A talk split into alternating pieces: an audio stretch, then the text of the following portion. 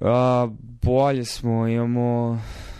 Um, niko više nema temperaturu. Meni glas mnogo bolje nego što je bio. Pre dva dana je bio skroz ono laringitis. Um, čulo miris, većina nas je delimično izgubila. Nije loše kao prvi put, ali je definitivno prisutno.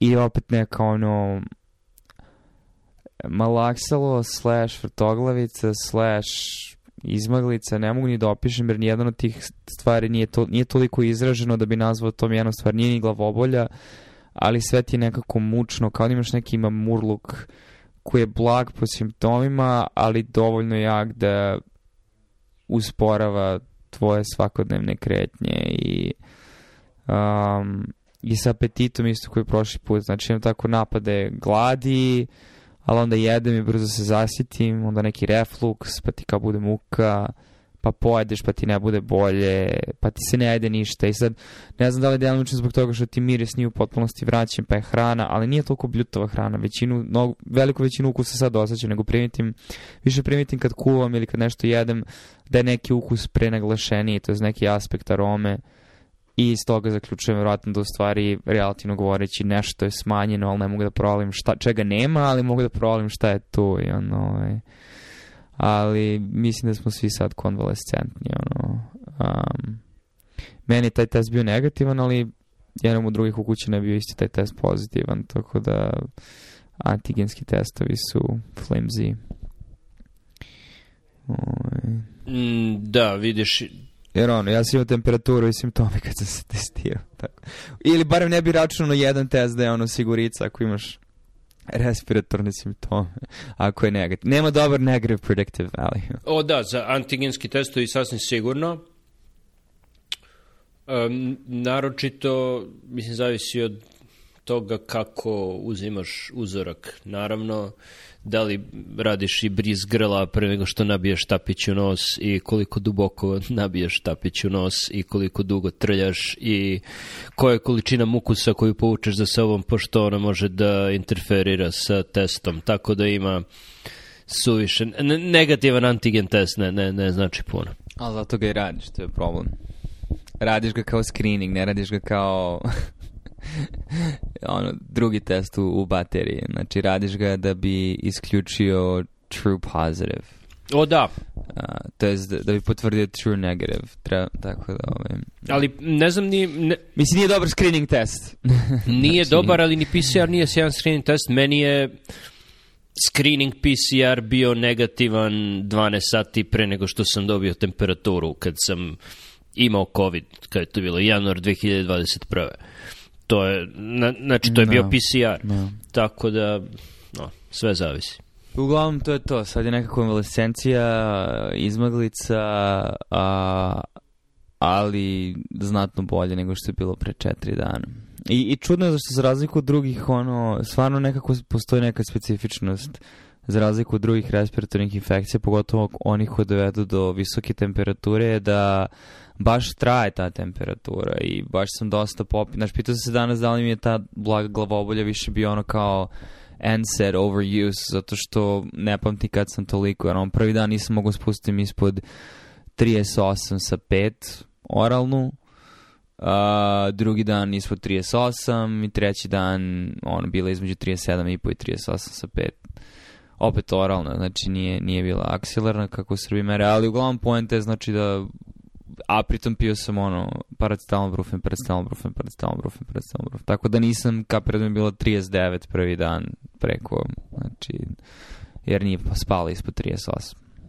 Tako, Znači, tvoj primer je jedan od onih redkih gde drugo dobijanje je imalo mnogo ozbiljnije simptome od prvog, jer koliko se sećam prvi put kad si imao, ili navodno imao, pošto mislim da je vrlo moguće da je to bio i lažno pozitivan test od prekomerenog testiranja, nemoj da, da, da prekidaš, uh, Ne, ali City, ne, ne, ne, City je, izvini, ali City je bio, mislim, City Curve je bilo, bilo je vrlo visoko, ono... O, ok, to su dve različite da. stvari. Postoje različiti razlozi zašto test može da bude lažno pozitivan, da, da je samo broj ciklusa kada se podigne kriva, to bi se lako eliminisalo menjanjem, menjanjem ovog broja ciklusa koji je potreban da nazoveš nešto pozitivnim testom, ali nije jedino to razlog zašto nešto može da bude lažno pozitivno. Uh, ali da ili ne, sada imaš temperaturu, prethodno nisi imao.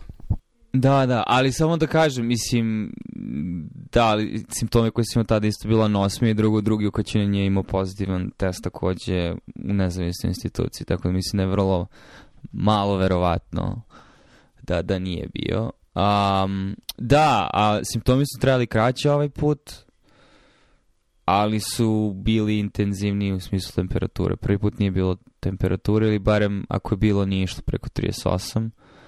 A, i, ali je bio mnogo ono prolongiraniji tok sa prolongiranim refluksom, anosmijom, znači to je trebalo ono, nedelju dve posle ono, tih prvih par dana umora da se sanira. No. Hm, vidiš, ja već, ono, treći mesec imam prolongiranu infekciju gornjih respiratornih puteva, jer se deca svake dve, tri nedelje vrate sa nečim novim i svaki put radimo testove svima, antigenske i sve je uvek negativno. I da li je jedan od tih milion virusa koji smo vratili bio COVID? Možda, ali želim da verujem da, da je to tačno, onda bi neko drugo od te dece iz vrtića imao bolji kvalitet testa i neko bi javio da je neko pozitivan, ali niko u vrtiću nije. Ali deca u vrtićima su inkubatori za sve. Tako da mi sad boli grlo, kašljem, slinavim. Mm. Opet.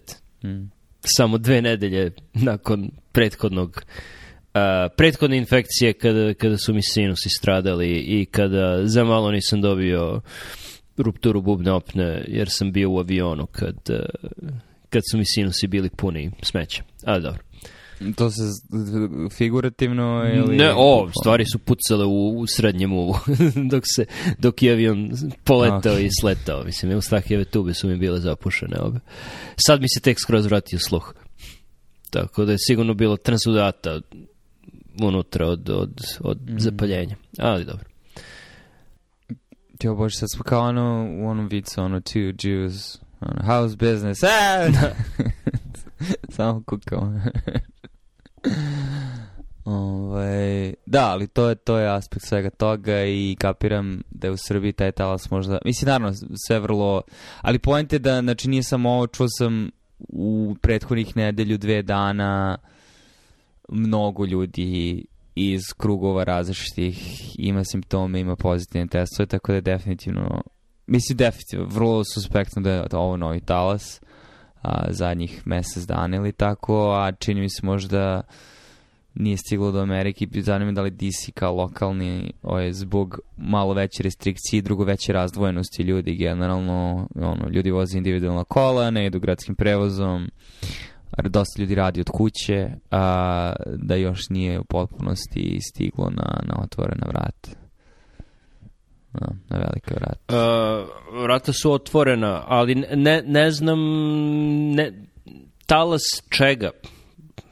Mislim, šta bi ovo bilo? Nije ni Omikron, ovaj BA5 nije nešto pa, ja naročito. Se, pa ne znam, ali uh, ovog puta sam imao i kašalj prvi dan. I to je, i, mislim, i ono, moji porodici su imali identično, znači, vrlo sličnu kliničku sliku. Znači, prvi dan prodrom je bio kao neki umor, e, blago grebanje grla i onda kašalj koji je dosta bio pozicioni. Znači, kad bih ležao na leđima, prva dva dana morao bi da se uspremim da se iskašljem, bio je suv i onda oko trećeg dana počneš da iskašljaš postnazalni drip. I ovaj, tako da, barem što se tiče ono starijih ljudi, mislim, mislim da u odnosu na omikron je ovaj, um, možda malo intenzivnija. Mislim, ako ništa drugo. Ove, možda, znaš, ono da sam uradio rentgen, možda bi imao nešto na plućima, ono, jer nisam imao prekašalj uopšte. A nije, bilo, nije bio drip, znači jednostavno nisam ništa iskašljavao. A znam kad je zbog dripa iskašljavam, tako da... I drugo, kažeš ti, bilo se kao, ple, kao da si imao pleurizije, znači ono, bukvalno osetim kao samo te nešto žigne, ono, plećka. ovaj, tako par puta i onda se kao namestiš, iskašlješ, ovaj, tako da ne znam. Ali da, prošlo je posle par dana i nije Delta i itd. itd. Mislim... Uh, dobro. Ima, i, ima li nešto sem covid u Srbiji? Pa nisam izlazio iz kuće, tako da ne znam. Mislim i ovde padaju cene goriva sada u odnosu na sjedin države možda sa malim zakašnjenjem, tako da kapiram da, da je to deo sličnog procesa. A, ništa drugo. A, mislim, nevezano sa Srbiju, ali pošto sam dosta vremena proveo a, online,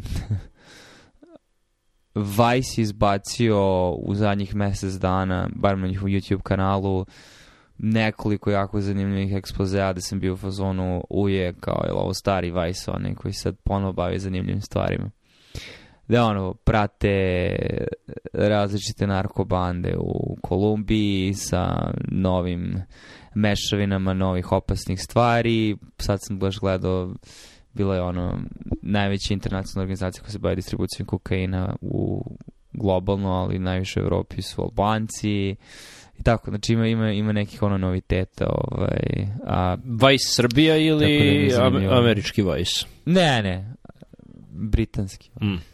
Na, mislim da je britanski. Ili barem su i novinari su britanci, njihova londonska kancelarija. Um, tako da je prilično cool. Ima je taj vibe onog Vice iz, ne znam, 2012. šta već.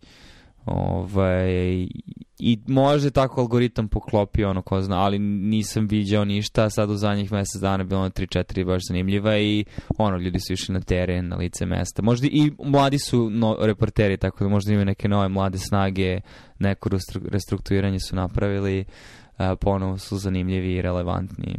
Pogotovo što ima stvari, ne znam, sad možda re, relevantnije za... Ma dobro, ti si roditelj, tako da će ti uskoro biti relevantno, ali ovaj, više relevantnije za a, tvog supružnika, da tako kažem, sa obzirom da teško ti šti... Ali tu, tu si bije, recimo, stvar koja mi je bilo ovako zanimljivo zapala za oko, jer a, se distribuira dosta u Sjedinim državama, a u pitanju je totalno ono rebrendiranje nečega. Jer 2CB je sintetički psihedelik koji ono, Aleksandar Šulgi napravio a, koji je bio to u originalu, a onda u zadnjih par godina izgleda da je, mislim, ono, ne, neka od kolumbijskih a, grupa rebrandirala to, zove se 2CB, 2CB tako ga zovu, a, gde mešaju sve što stignu. Znači MDMA, amfetamine, kokain, a, ketamin, čak i fentanil i u toj reportaži bilo zanimljivo da je lik pustili su ga znači u ono kuhinju i to je stvarno bilo ono kreditnim karticama mešaju i na kraju dodaju to je čitava poenta zašto je uspešan marketinški plan a dodaju ružičastu boju za kuvanje, kao pink food coloring, koji isto vreme daje neki slatkasti miris. Tako da se otformila čitava subkultura oko toga, za ovoga ružičasti kokain, šta ti ja znam. Ove, ali je vrlo opasno zato što niko ne zna šta je i s druge strane mešaju fentanil u to. kreditnim karticama, tako da nije ni kao da postoje neka, razumeš, ono, naprava kojom se to sve meša. A ko, ko to radi?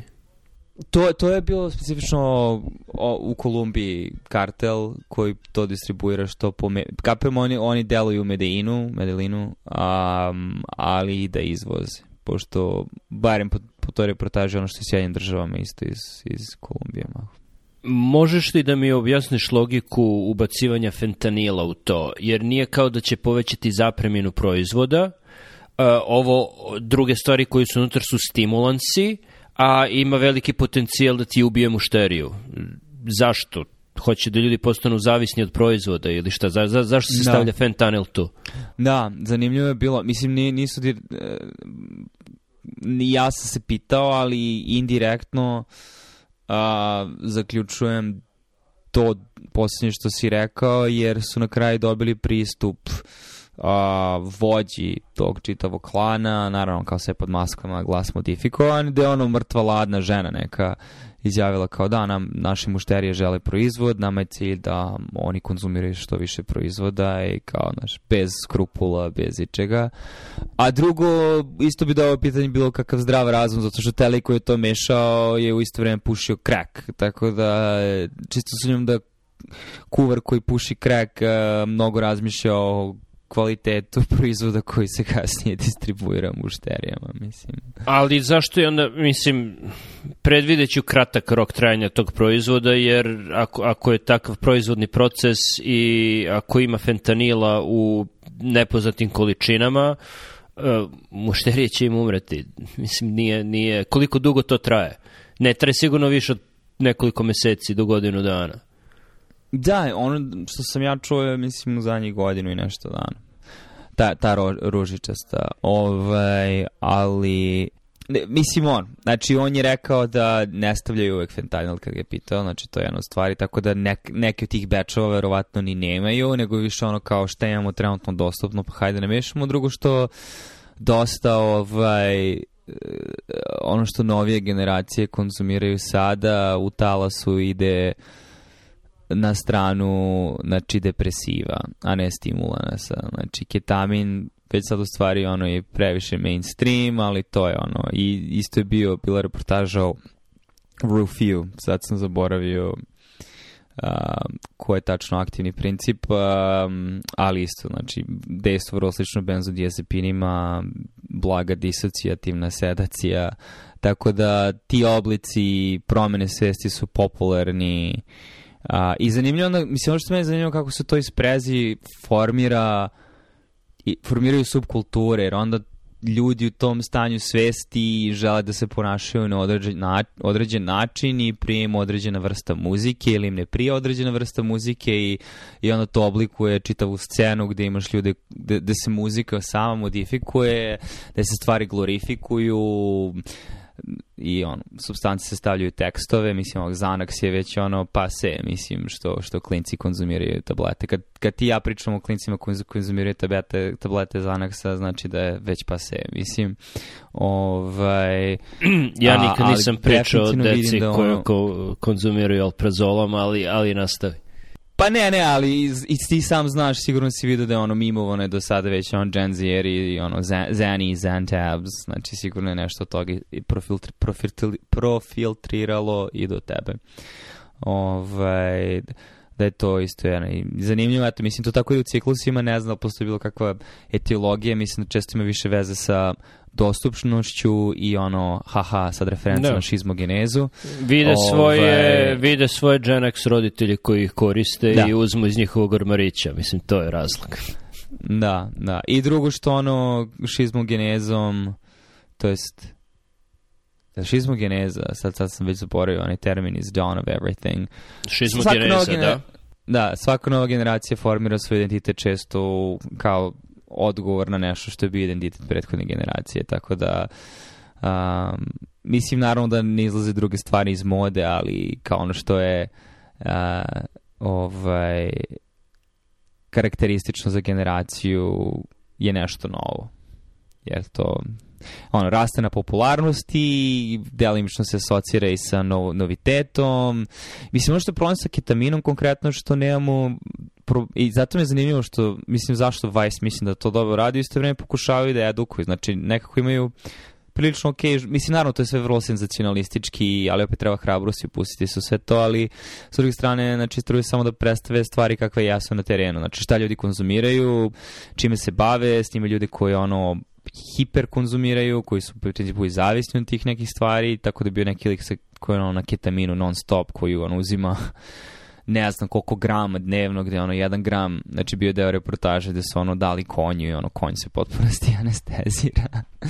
Tako da, mislim, naravno, tolerancija se gradi, ali pojent je što nemamo podatke o dugoročnim posljedicima svega toga. Očigledno, svaka substanca koja ima kapacitet za izmenu svesti dovoljno a verovatnije ako je sedirajuće karaktera ima kapacitet da na ovaj ili ovaj način stvori zavisnost a, a onda je zajebano kada ti to neophodno neophodno da funkcioniš uopšte um, Tako da je to ono što sad mi malo pribojava šteta. Mislim, naravno, cool što postoje ovakve stvari, da se edukujem. Znači da, aha, ok, o, ovo sad klinci konzumiraju.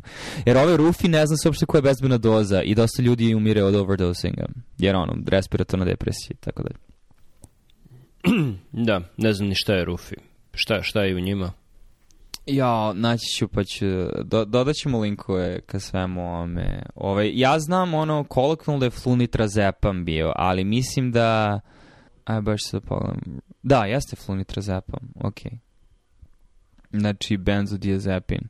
Ali to je isto ono problem kad imaš slang nazive za stvari i ono ljude koji nemaju previše edukacije u, iz farmakologije ili biohemije ili čega već hemije, organske hemije, uh, pa onda ono e, ulični nazivi stvari ima dosta preklapanja, u jednu stvar može da spadne više stvari i onda kao... Mislim, dobar primjer je ono MDMA, Molly, Ecstasy, gde... Uh, mislim, MDMA je aktivni princip, trebalo bi da bude u Moliju, jer tako su ga zvali 90-ih, a Ecstasy može da bude kombinacija bilo kakvih stimulansa koji često nije samo MDMA, ali ljudi to ono njima su to kao tri različite stvari, recimo, kad, kad gledaš kako, kako procesiraju sve to. Ko su oni? Ne, ne, ne, ne znam, slušajući tebe kao da sva deca svuda su apsolutno upoznata sa tim... Uh, sa tom kulturom, ali mislim da možda ti imaš malo iskrivljeno viđenje na to. Koji je procenat? Pa, Pa da, ne znam koji je procenat. Ja, generalno, ja se iskreno vidim u smislu, ali ono, ako hoćeš u DC-u da izađeš u klub, a, kojih ono nema mnogo, znači nije velika scena i zna se koja mesta gde se pušta muzika, slično kao u Beogradu, mislim, ono, ljudi idu u drugstore, mixer house, šta god. A, ljudi koji idu na takva mesta i to tu shvatam validnost tvog argumenta, ali poenta je da dosta ljudi ode na ta mesta barem nekoliko puta u toku svoje ono mladosti, a drugo a, ima određen deo te subkulture, mislim te subkultura gde imaš ljudi koji to rade, na, i kome je to deo života, mislim da idu u klubove, u clubbing. Um, I to mislim da je manjina ljudi i dalje. Ali u istoriji mislim da je u porastu u popularnosti u Sjedinim državama specifično, ta kultura, tako da... Mm. Pa ne znam, evo, evo ti je primjer euforije, znači serija ova, White, ili ne mora bude white, ali ono kao affluent, znači bogate, privilegovane porodice čija su sva deca ono, samo medikamentuju po različitim žurkama. Ako odeš na koleđ, sigurno sam da će te stvari biti dostupne, ono, znači deci koji idu na koleđ. I i da to neće biti neka tajna stvar koju konzumira jako velika manjina, nego će to biti stvari koje se konzumiraju na tim žurkama, ono, frat house, mm. šta god. Meni, mene to podsjeća na ono kad, kad si, ne znam, intern ili rezident u nekoj bolnici i većina ljudi preko 65-70 godina koje vidiš ima hipertenziju, diabetes, hroničnu insuficienciju bubrega pred dijalizu i imaju bar dva, tri non-stemija u prošlosti i možda jedan ili dva šloga i to je 80% ljudi koje viđaš i onda se iznenadiš kad, kad više nisi non stop na odeljenju i u klinici, kad vidiš zdrave ljude od 75-80 godina. Tako da mislim da je sve pitanje tvog izlaganja različitim sredinama i tebi je pod kontrolom. Ti možeš da kontroliš sredinu u kojoj se nalaziš i, i onda znaš, to je, to je tu bih samo stavio zvezdicu na to, ovo raste i znaš. Mislim da... Ok, evo, mislim, evo baš sad gledam podatke, znači iz različitih, ali recimo 10% tinejdžera po jednoj anketi abuzuje Xanax. Sad, da li to malo, da li to mnogo, ne znam. Mislim, zavisi gde povlačiš crtu. To Koliko je jedan i po kojem izvoru i kako su došli do tog broja? Da, da, da, pa ali to ti kažeš, sad ti govorim šta nalazim, ali svakako nije, mislim, jer to što ti govoriš mi ima smisla kada bi pričali recimo da je u pitanju 1 do 2% ljudi, ali da ti kažem, mislim, slažem sa tvojom procenom da definitivno je ono uzorkovanje bitno, ali mislim da je i, i odnos a, bez obzira na to što si upravo što tiče da je uzorak mali, da nije toliko mali, da je nebitan. Um, I svakako, mislim, dobro, sad ono, poslije, poslije još pitanje zašto uopšte imamo ovu konverzaciju ili da li uopšte je ovo relevantno ili, mislim, ko je, ko je tvoj... Um... Ne, ne, ne, mislim, mislim da je relevantno. Mislim da je relevantno, ali ono što hoću da kažem je da, ne sumnjam da postoje populacija u kojima 80% ljudi normalizuje uh, substance psihotropne, bilo ilegalne ili legalne. Uh, ne, ne sumnjam da ako želiš da, da budeš u takvom društvu, možeš lako da ga nađeš. To je pitanje, ono, da li je pametna ideja da budeš u društvu gde, gde 80% ljudi uzima psihotropne substance nepoznatog kvaliteta. To je, to je moja poenta. Da, ono, da. te, to, to je stvar izbora, generalno. Naročito kad no. si u sredini kao što je ono Amerika gde čak i u dc ako gledaš ono provodiš vreme u Nacionalnoj galeriji umetnosti, koji procenat omladine tu, Uh, koji procenat omladine koji izlazi u Kennedy Center da gleda balet, operu i šta god, koji procenat omladine koji izlazi u pozorište, pa onda u bioskope, pa u kafiće standardne, ono, na 18. ulici za starije, pa ono, na ju, ju ulici gde su klubovi i omladina i šta ja znam, U Street Show i tako možeš da, da, da ono, sam kreiraš sredinu u kojoj se nalaziš. To hoću da kažem. Da, samo što mislim da više ljudi izlazi na U Street nego što ide u Kennedy Center i, i Nacionalnu galeriju više ljudi od određene, određene dobe. Ko, deca koleđa, koleđ uzrasta, mislim, ono, no. Da. Ne sumnjam, naročito što je... Mislim, samo izađi u petak na U Street. I prođi nacionalnom galerijom kad je najbeziji dan, ono. Da, da, ne, ali kapiram što hoćeš da kažeš, naravno, ali opet, mislim, ono što je upitno je u kojoj meri je generalno normalizovano konzumiranje stvari s obzirom da je uh, i u ovom društvu ovde, eto da, da zatvorim krug, mislim, mm, u Srbiji uh, primećuješ trendove, znaš, kad, i na, i, a, a trudiš se da izbegneš bias ono, u moje vreme, ali uh, dramatična je razlika u onome čemu su klinci izloženi iz tvoje kohorte sada u odnosu na ono što su bili pre 10 ili 15 godina. Um, I šta je normalizovano, šta nije normalizovano. Mm. mm tako. To je verovatno, sve ne sam verovatno, možda neželjena posledica uh, dobre stvari koje je nema stigmatizacije mentalnih oboljenja, naročito ne u Americi, tako da je uh, Uh, nije problem nikakav ljudima da traže antidepresive, anksiolitike i ostale stvari od svojih lekara, tako da kad uđe u širu upotrebu uh, regularnu, naravno da će trickle down, da će od, dokapati do, do drugih i onda, ok, dostupnije su ti lekovi i onda se zainteresuješ i za druge substance, jer si onda deci i omladini normalizovao uzimanje substanci i onda će biti otvoreni za neke druge substance, jer ha, ovo je tableta i ona je tableta, u čemu je razlika? Tako mm. da, da je to ver, verovatno je delimično ono. E, neželjena posledica dobre stvari, te normalizacije mentalnih oboljenja. Ali dobro. Ima, mm. ima još neželjenih posljedica. No, ono, želiš dobro, a onda čitao sam, ovo je mala digresija. Uh, e, eutanazija, jedan primjer normalizacije eutanazije, protiv čega sam ja inače, lično, ono, generalno nisam za eutanaziju, ali ono, to je ono slippery slope, uh, gde ima, ne znam, 7-8 država gde je normalizovano i u Kanadi sada pričaju o tome. U Kanadi već ono nije samo lekarima dozvoljeno, već mogu i nurse practitioners i mm. drugi, dru, drugih afilijacija i onda nije neophodno da imaš uh, smrtonosno oboljenje sa visokom stopom smrtnosti, nego je dovoljno pod navodnicima da to bude neko neizlečivo oboljenje ne neophodno nešto zbog čega ćeš umreti ili patiti dugo.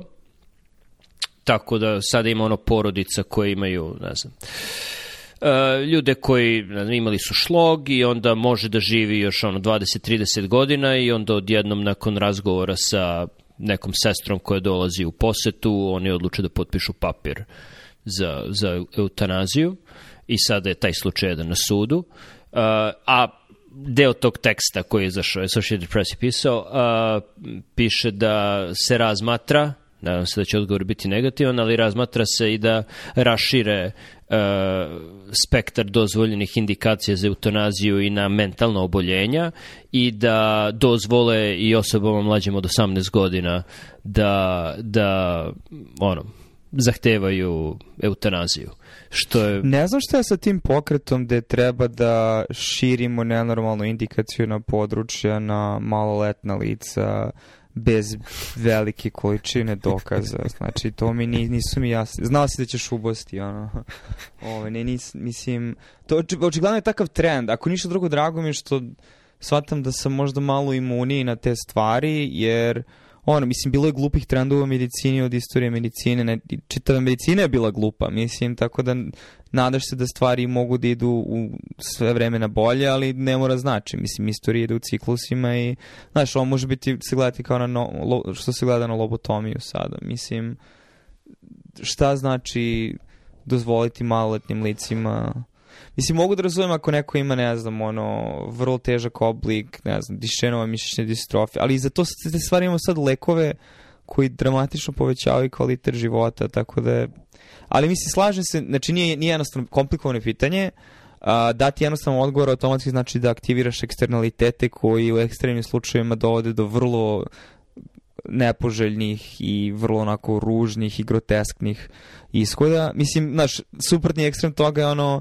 situacija u američkom zdravstvu, znači što pričaš s tim pacijentima gde imaš ono, mislim, ono, da je bukvalno šala u bolnici gde smo mi trenirali track peg, ono, pitchy dishes, znači da ljudi egzistiraju na aparatima godinama, mislim, bez bilo kakve moždane funkcije, mislim, a, mislim, ne kažem suprotno odnosu na eutanaziju, ali na nekom tom polu između kada treba da presečeš i da povučeš medicinsku negu i čak da preduzmeš korake za ubrzavanje smrtnog ishoda, a, suprotna stvar tome je da radiš sve moguće da produžiš vitalne znake. Mislim, a, kvalitet života, kognitivna funkcija, sve to je ono backseat. Tako da... A dobro, re, rekao bih da postoje Uh, tu je, tu je postoji velika asimetrija, a to je da ljudi koji imaju track and peg uvek možeš da odlučiš da više ne koristiš to i ako, ako, ako ne produžavaš te mere, ljudi će umreti prirodnom smrću. Postoji velika razlika između toga i, i toga no. Da, da nekome aktivno daš E, smrtonosnu dozu nekog leka, što je eutanazija. Mislim da postoji ogromna razlika između te dve stvari i mislim da trenutni sistem koji ovde postoji, a koji je sasvim razuman, da ljudi odu u hospis i onda lečiš simptome i onda neželjeno dejstvo lečenje nekih od tih simptoma može biti ubrzanje smrti ako nekome daš Uh, infuziju morfijuma kontinuiranu da bi bolje disali ili im daš doze opioida dovoljne da više ne, ne, ono, ne pate od bolova to može da ubrza smrt, ali tvoj cilj nije da ubiješ nekoga, tvoj cilj je da nekome da. pod navodnicima olakšaš patnju. Olakšaš muke. E, pod navodnicima olakšaš patnju bez navodnika. Mislim da postoji ogromna razlika između toga i evo ti tablete, evo ti injekcija, umri. Da, razumem. A zašto, zašto si protiv eutanazije kategorički? Ja nemam formiran stav, za, zato me zanima koji su, koji su tvoji... Pod zato jedan, zato što postoji... Da, da, da, upravo, znači, prvo postoji alternativa, alternativa je ovo što se radi ovde, znači, zašto je eutanazija bolje od hospisa, jedna stvar. E, druga stvar je upravo eksternaliteti i ono što je bilo sasvim lako pretpostaviti, ono što se dešava u, u Kanadi. Što je, mislim, no. Da. da, dovoljno je, dovoljno se... je da jedna osoba, da, da jedna osoba koja je potpuno bespotrebno umrla, umrla zbog toga da sve treba ukinuti. Ok, um, mislim, zanimljivo je zato što dosta sada nekako testiramo uh, granice nekih e, socijalno konstruisanih aksioma. Jedan od njih koji mi sad onako isplivava je, znaš, kad uspostaviš tehnološke kapacitete, a, a onda i institucionalno ustoličiš određene prakse, onda počinješ da postavljaš pitanja kao rezultat toga koja možda nisi postavio i podrazumevao si, a recimo na tih socijalnih aksioma je koncept ono autonomije i, i informisanog pristanka i mislim da i u drugim domenima zdravstvenih intervencija da ne ulazim u sad u tu priču, ali pogotovo što se tiče maloletnih lica je to vrlo relevantno pitanje, ali uh, da, znaš, ka, koncept informisanog pristanka. Ako tebi dođe sestra i ima informativni razgovor sa tobom, uh, a tu je velika odgovornost za zdravstvenom radniku da maksimalno iskomunicira uh, sve ono što je, i, i onda se dovodi pitanje znači epistemološke iskrenosti i opšte mogućnosti da imaš isto jer da se ne lažemo pogotovo u našoj praksi a, u velikom broju slučajeva razlog zašto ljudi dolaze u tvoju ordinaciju je da bi tebe čuli šta su mogućnosti i šta generalno treba da se radi i ako im je stalo da znaju šta ti misliš da je najbolje u toj situaciji. Jako velika manjina ljudi uh, a, ima želju, a još manje kapacitet da razume subtilnosti, i razlike između, a to čak uključuje i zdravstvene radnike koji su samo u drugim domenima, jer mislim i zato je neophodan trening i tada i tada. Ali hoću kažem, znači, zna, zna, vidiš kuda idem, mislim, sa tim, tom idejom, znači, e, koncept informisanog pristanka i da bi ti održao svoju autonomiju kao pacijent, i u velikoj meri u sprezi sa kapacitetom zdravstvenog radnika da ti iskomunicira stvarne rizike i sve to, a mislim da sada dolazimo u, u situaciju da prvo je to nemoguće, mislim nikada nije ni bilo moguće, a, manje grešimo, imamo bolje podatke, imamo medicinu zasnovanu na dokazima, ali kao je ono, naš, odeš kod hirurga, hirurg ti kaže to uvek uspeva i onda se nešto desi, kako se to meni desilo. Ovaj, um, tako da nekako sad čitava ta ideja šta znači imati svoju autonomiju i šta znači informisan pristanak, mislim da, da testiramo sada u praksi šta to u stvari znači. Na, da, nemoj o informisanom pristupu da mi pričaš, mislim da nije, samo je u jako redkim situacijama gde je procedura jednostavna i gde su sve stvari apsolutno jasne, mislim da samo, i E, osoba koja daje informisani pristanak ima određeni stepen prethodnog znanja, obrazovanja i mentalnih kapaciteta da shvati. Mislim da tu postoji pravi informisani pristanak, ali za većinu stvari, za većinu studija, bar u kojima sam ja učestvovao, to su ono 70 stranica uh, informacija od kojih su neke ono legalni mambo jumbo, neke su prave informacije, dosta stvari niko, dosta stvari je nepoznata i te, teško da, da a, a, ako neko, ne znam, na nivou, ne znam, osmogodišnjeg obrazovanja, pa čak i ono srednja škola završena i ne čitaju i ne, ne znaju te fraze, mislim da nema tu puno razumevanja. Mislim, tipičan primer je ono, studija koja je prva faza, testiranje bezbednosti, mislim da ono, 99% pacijenata koji učestvuju u tim studijama ne učestvuju zbog svoje velikodušnosti, hoće da uzmem potpuno nepoznati lek da vidim da koje su neželjena dejstva, uzimaju zato što se nadaju da će taj lek da im pomogne. I, i možeš ti u, u informisanom pristanku da, da napišeš ono masnim slovima font 22 masno uh, ovo vam verovatno neće pomoći, mislim da to neće neće ući jer ljudi ljudi, neće to ući u glavu, ljudi ljudi žele ono što je najbolje za njih generalno i, i tako shvataju stvarnost i tako čuju sve informacije koje im ti daš. Pa ne samo to, i, i veliki deo motivacije da uopšte ulaziš u takve stvari je nada da će to potencijalno uspeti, znaš, niko ne želi da ulazi u to sa idejom Znaš, pogotovo kad konzumiraš, kada, kada si na studiji koju, u kojoj si izložen nečemu što uh, i može da se zove neželja dejstva i često izaziva neželja dejstva, treba da ustaneš znači za dve nedelje opet i da dođeš u kliniku i da opet sediš u dnevnoj bolnici i da primaš tu terapiju i da imaš posle dijareju i sve. Znači jednostavno niko to normalno ne želi da radi, a da ne veruje da postoji barem određena nada da će to... I mislim, naravno, to je sad opet...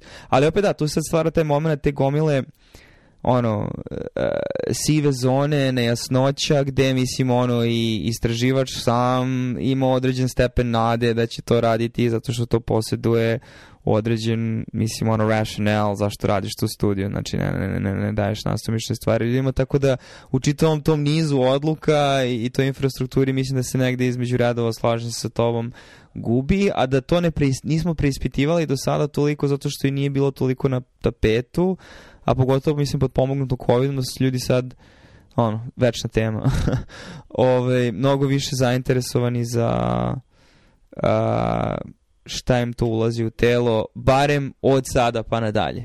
Uh, ne zanima ih sve ostalo što je FDA odobrio do, do, dve, do 2019. ali od i UA sa kraja 2020. pa nadalje velik, mnogo više ljudi sada zanima šta je to što unosu u svoje telo. Mislim, malo karikiram, ali znaš što hoću da kažem. E, stavit ću zvezdicu tu jer hoću da se vratim na, na nešto drugo, ali daću komentar i na, i na to što si rekao, što si aludirao na, na COVID vakcine. Zamisli sad taj proces gde onaj ko, ko objašnjava proceduru, ima svoje stavove, shvatanja, mišljenja šta bi on želeo ili želeo da uradi i sa druge strane osoba koja daje informisani pristanak, e, stavi to sad u, u, u kontekst eutanazije, gde može pred tobom da bude neko ko je nepokretan, ne može da ne znam, govori, može samo da ono gleda TV pred ekranom i da čeka da ga neko okrene nekoliko puta na sad da ne bi dobio dekubituse i ti sad kao lekar ili sestra misliš pa ja ovako ne bi mogu da živim, ja ću njima da, da predložim eutanaziju i možda ćeš čak kad pričaš o tome malo naginjati ka tome, e, pa ne bi bila loša ideja, ali postoje ljudi koji, mislim, više cene tih par sati gledanja TV-a po cenu dobijanja dekubitusa i, i neko neće, neće ni da čuje o tome, a postoji možda neko ko je na granici i sad mu je dovolja neko da samo predloži to, da uzme to kao slamku, e, hoću, a da nisi predložio nikada im ne bi padalo na pamet. Da li razumeš šta hoću da kažem? Hoću i to me jako potiče na jednu epizodu Econ Talka gde, sam, gde je bio gost uh, filozof i sad sam baš tražio, L.A. Paul se zove, uh, a, znači priča o transformativnim iskustvima gde verovatno ćeš se setiti jer je vrlo slikovit eksperiment, ali misleni eksperiment je a, da dobiješ opciju da budeš vampir. I a, kada postaneš vampir, znači radiš sve što vampir radi, znači moraš da piješ krv, moraš da spavaš noću, ali imaš večni život, a, ne mučite druge stvari, a, I mislim, čitavi Demis eksperiment je samo ekstremna verzija onoga što se nama svakodnevno dešava, to je da ti ne možeš da znaš šta znači biti nešto pre nego što to budeš. A velika greška koju mi svi pravimo kao zdravstveni radnici je kada zaboravimo na to i onda se podsjetiš kada odeš, ne znam, ono, jednom godišnje da izvadiš krv ili da daš krv ili šta već a, i kad te ubodu iglom i ti si u fazonu, u, ovo je ovo je baš neprijatno, znaš, a on u rezidenciju si radio pacijentima laboratorije svak. Mislim, dokaz tome što radimo vitalne znake noću, mislim, pacijentima bez razloga, razumeš, ono, znači jedna stvar je ako neko u ICU ili u imc ali ležeći bolesnik bez ono znakova bilo kakve nestabilnosti, vitalni znakovi u toku čitavog boraka ne mora da ima krvni pritisak proveren u toku noći. Tako da, znaš, sve te neke stvari slaže se sa tobom, uh, to je ono, ti ne možeš da znaš šta to znači dok ti to sam ne iskusiš, ali to nikad nećeš moći, a, osim ako ne znam, ono, ne nađemo neke načine da simuliramo ono, vrlo verno da se transplantuješ u nečiji mozak, telo, um, ali opet to bi bilo samo aproksimacija svega, ne možeš da znaš, jer i to ko je ono, znači ljudi koji žive u, znaš, on, mislim, Viktor Frankl, Man Search for Meaning, ono, bili su u koncentracionim logorima, pa su nalazili neki smisl u svemu tome. Ljudi žive u zatvorima, to, znači, ljudski, ljudski organizam je i tekako ima kapacitet za prilagođavanje situaciji u kojoj se nalazi i iznalaženju nekog smisla ili neke svrhe, pa koliko god taj prostor bio mali, koliko god uh, u odnosu na ono što mi smatramo kvalitetnim životom, Tako da slažem se, ima dosta nametanja ideje o tome šta je ispravan život i onda kada ima toga, tu je bojazan da to onda ima previše ličnog uplitanja ono moralnih kompasa, mislim samih pojedinaca, što je jako teško kontrolisati, mislim ne bi ni trebalo, osim nekih ono osnovnih načela, naravno tvoje profesije, ali uh, na šta je nivo, ne znam, je jako teško ono enforceovati jako teško održavati to. Znači, ne možeš da radiš radionicu dva put godišnje kako da održavamo uh, razumevanje situacije pacijenta kada dajemo informisani pristanak za eutanaziju. No. Da. da, i, i ono I druga se... osoba ne zna da li žele eutanaziju dok... Ne, izvini. da, on, ono čega se takođe plašim je, baš to što si sad počeo da pričaš, e, znači, ljudi koji su u nekoj situaciji sa nekom diagnozom, njihovo mentalno, svačije mentalno stanje varira i dovoljno je da uhvatiš nekoga u periodu depresije, kada, koja može da bude sasvim, sasvim uh, opravdana depresija, situaciona depresija, ne depresivni poremećaj. Uh, da ga uhvatiš u tom trenutku i da daš tu ideju, to zrno, a, tu je eutanazija i, i to može da se produbi u nešto iz čega nema povratka.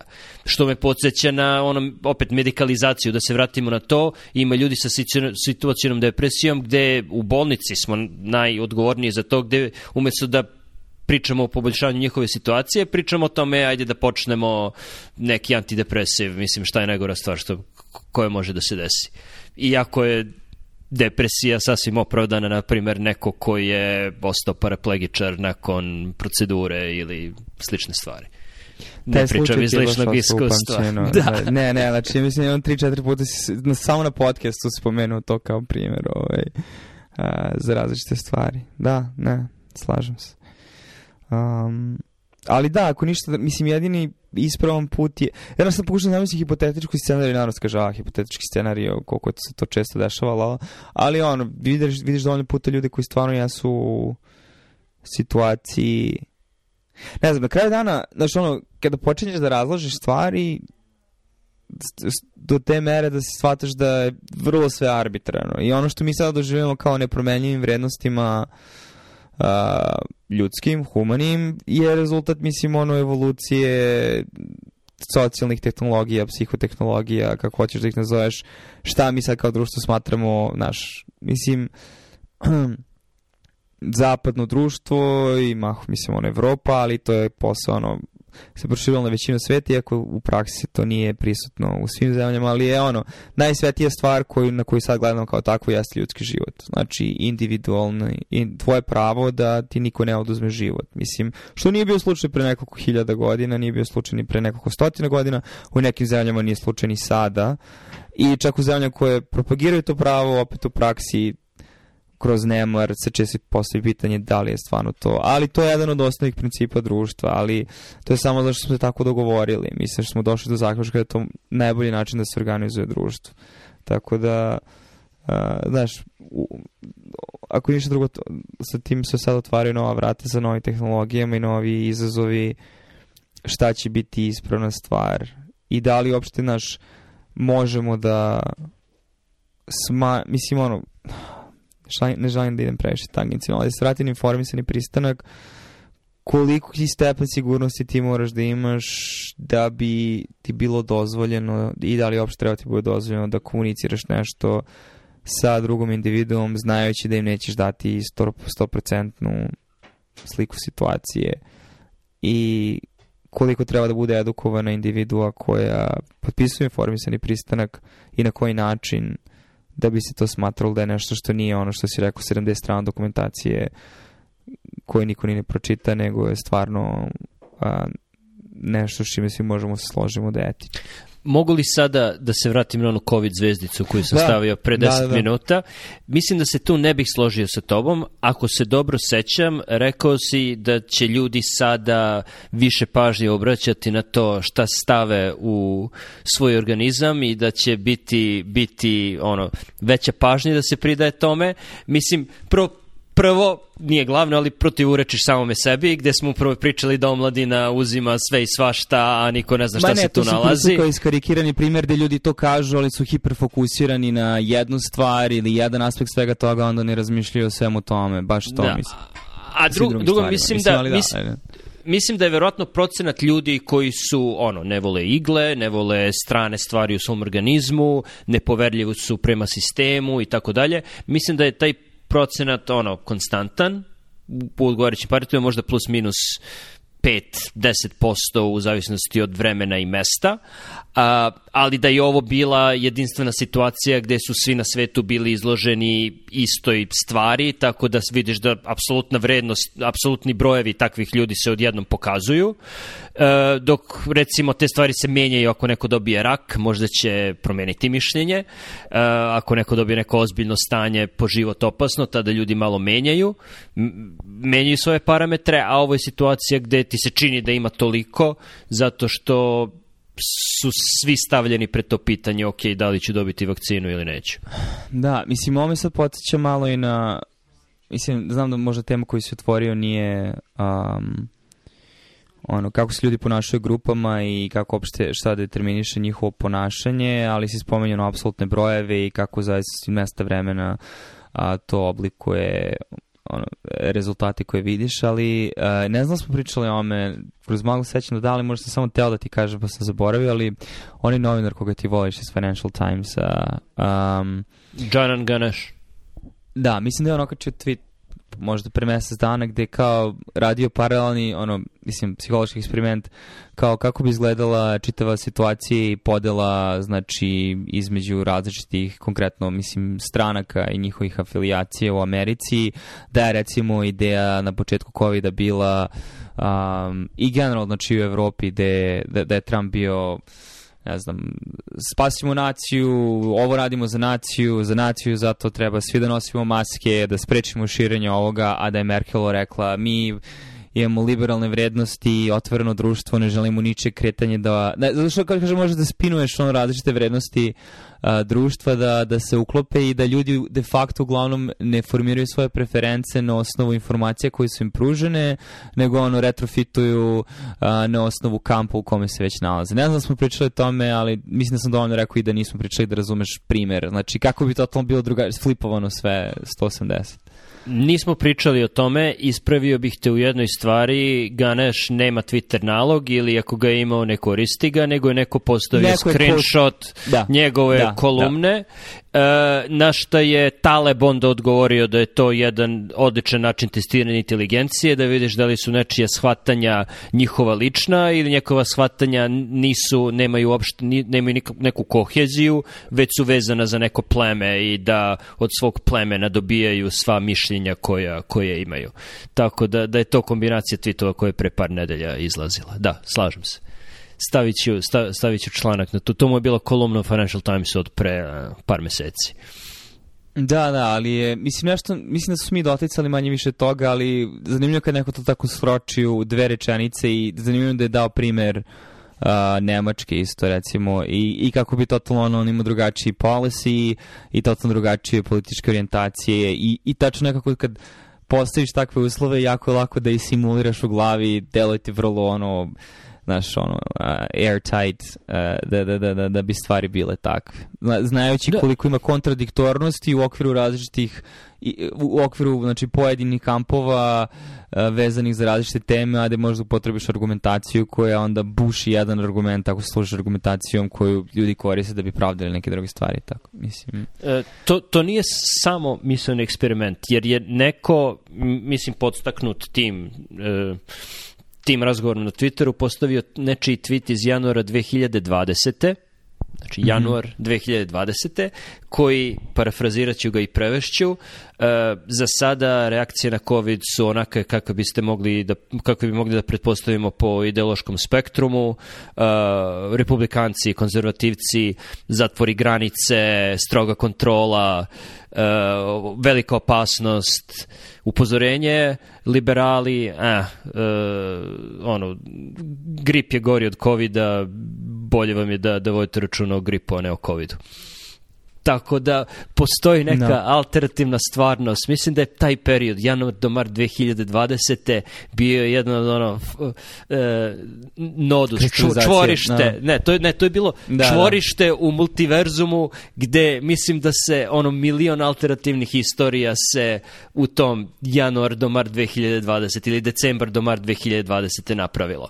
Ili ako uzmeš taj period od oktobra do marta, postoji jedan univerzum gde je kinesko rukovodstvo sredstvo, mislim, došlo im iz dupeta u glavu i suzbili su to pre nego što se raširilo, tako da možda postoji multiverzum gde, gde, gde u stvari univerzum u multiverzumu, gde nije bilo pandemije COVID-a. Postoji onaj gde su ono, liberali i antimaskeri, a konzervativci nose ono, crvene maga maske i, i hvale se svojim uspehom u vakcinama. A Trump služi svoj drugi termin svoj drugi mandat.